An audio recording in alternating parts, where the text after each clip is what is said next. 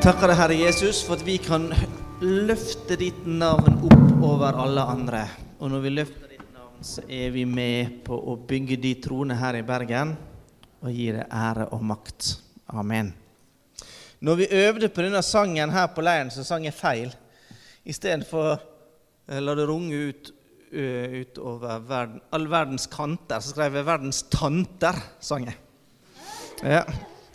Men alle tantene i verden trenger jo også Jesus. Ja, amen. Kanskje de trenger det mer enn noen andre.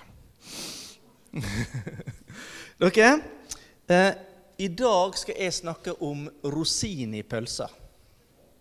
Ikke bål, men det passer veldig bra at det kommer et bål bak her nå.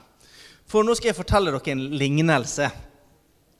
Guds rike er å ligne med ei speiderpatrulje som skulle på tur og grille pølse.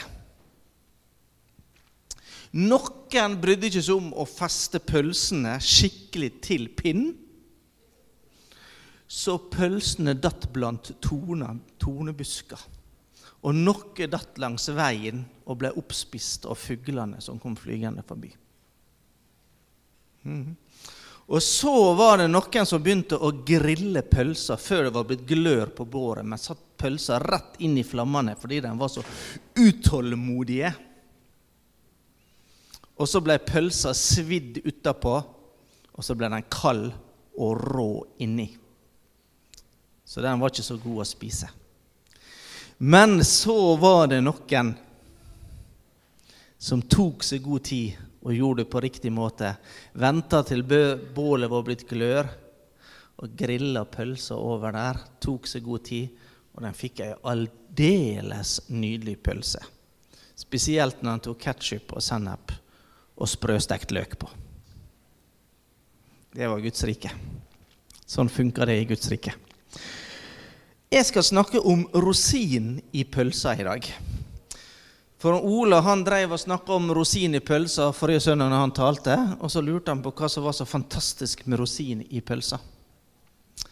Jo, det er nemlig slik at før i gamle dager, når jeg var ung, så pleide vi av og til å spise blodpølse til middag. Og blodpølsene de var tjukke og kraftige. Og når man stapper blodpølsa ned i tarmen, sånn som man gjorde Man må sikkert bruke tykktarmen eller sånn for å lage blodpølse, tenker jeg. Nei, ikke, ikke Ja, det endte jo der til slutt, da.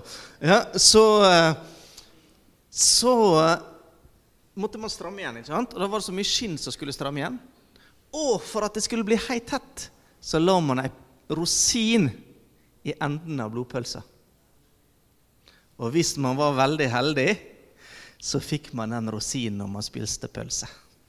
Det sier sitt om hvor godt blodpølse er. Ja. Ja.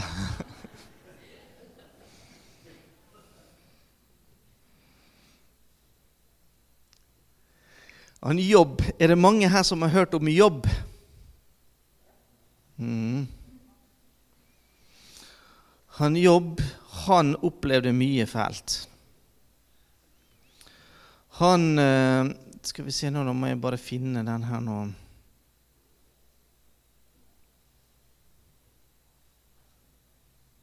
Ja. Han eh, opplevde jo det at han ble veldig, veldig syk. Hjemmet hans gikk fullstendig i oppløsning. Han var så syk at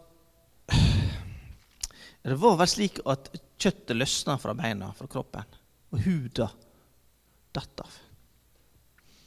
Og han var en gudsmann. Og mange håna han. Altså, 'Hvordan går det med deg nå i jobb?' Hadde han bodd i Sverige, så hadde han sagt at dette her er vel veldig jobbigt for deg. Mm. 'Hvordan går det med deg i jobb?' Og så lo de godt av han. Men midt oppi alt det fæle som mm, Jobb møtte, for han møtte veldig mye Han ble mobba, blant annet. Han var lei seg, han var nedfor, han var syk. så var det én ting som holdt jobb oppe. Og så sa han, 'Jeg vet at min gjenløser lever'. Det visste jobb. Det var det ingen som kunne ta fra han. Og det var det som holdt jobb i livet.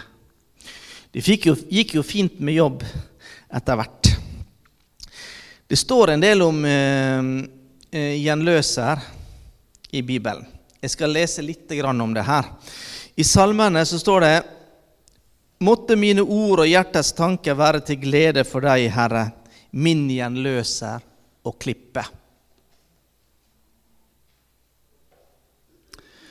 Når disiplene hadde vært ute på oppdrag fra Jesus, for Jesus ga dem et oppdrag, så reiste de ut og så ba de for syke, la hendene på syke, og de ble friske. De opplevde at onde ånder det lød deres befaling. Og de kom tilbake til Jesus og jubla og var kjempeglad. Og da sa Jesus til dem, ja, det er fint at det skjer, men det er noe som er viktigere.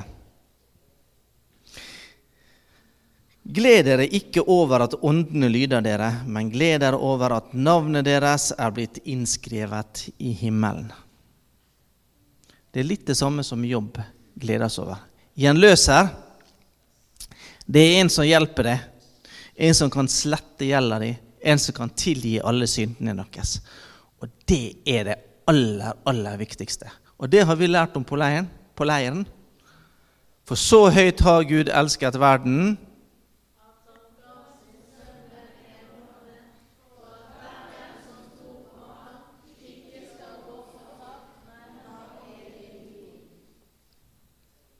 Jeg skal ikke snakke så veldig mye lenger nå. Jeg skal snart slutte. Jeg har, på, nei, jeg har talen min på telefonen. Jeg husker når jeg, var, når jeg var liten, også når jeg ble stor, og skulle på møte, så hadde alltid talerne talerne sine på ark. Gjerne en bunke med ark. Og så husker de hadde stått og talt en halv time, og så bladde de opp første arket. Det var kjempegøy. Og vet dere hva mange talere tror? De tror at vi kommer på møte for å høre på dem. ja. ja. Så jeg skal ikke tale lenge. Men jeg har lyst til å fortelle dere ei historie til. Filippi var en stor by når Paulus levde, også når Jesus levde. Den, øh, øh, I den byen så bodde det veldig mange soldater. Mange av keiserens soldater fikk jo lov å flytte til Filippi og ble anbefalt å flytte dit. Der de, fikk de land av den romerske staten, og så bodde de dit. Og Dit kom Paulus. Og Paulus han opplevde også mye spennende, mye fantastisk, men også mye grusomt. Han ble steina, dratt ut av en by og steina utenfor byen. I Filippi havna han i fengsel fordi han hadde fortalt om Jesus. Det var alt han hadde gjort. I fengselet så satt han og sang lovsanger. Og Nå skulle Paulus sende en brev til filipperne. og De hadde nok også opplevd ganske mye grusomt som kristne, sånn som de første kristne gjorde. Og Mange var ute etter å ta dem, for de likte ikke å høre om Jesus. Og så skriver han. Og likevel Nei, det var feil vers, forresten. Det var Jesus. Og så, mine søsken, gled dere i Herren. Jeg blir ikke trett av å skrive det på nytt, og det skal gjøre dere trygge. Vi kan få lov å glede oss for at navnet vårt står i livets bok. Fordi så høyt har Gud elsket verden, at han ga sin sønn den enbårne, for at hver den som tror på ham, ikke skal gå fortapt, men ha evig liv. Der er det vi har vår glede. Og den gleden kan ingen ta fra oss. Absolutt ingen. Når noen kommer og sier 'du er dum, du er rar som tror på Jesus', spiller ingen rolle. For vår glede i himmelen, den er det ingen som kan få ta fra oss. Når vi hadde hyggestund i går, så dansa noen jenter en dans for oss. De var veldig flinke. Og så fortsatte vi, så kom det en sang til som heter Hva var det den het, Hester? Happy? Var det den? Happy, ja. Og så plutselig så begynte alle som var med på turen, å danse. Voksne og barn. Og så sto vi og dansa til Happy i fem minutter, alle sammen. Glede. En glede som ingen kan få ta fra oss. Den har vi fått med Jesus. Og nå kan du glede enda mer, for nå er jeg ferdig å tale. Kjære Jesus, jeg ber for alle som er her. Speidere, søsken, mammaer, pappa, tante, onkler og alle som er her, om at vi skal få lov å oppleve den fantastiske gleden det er å ha navnet vårt skrevet i himmelen. Amen.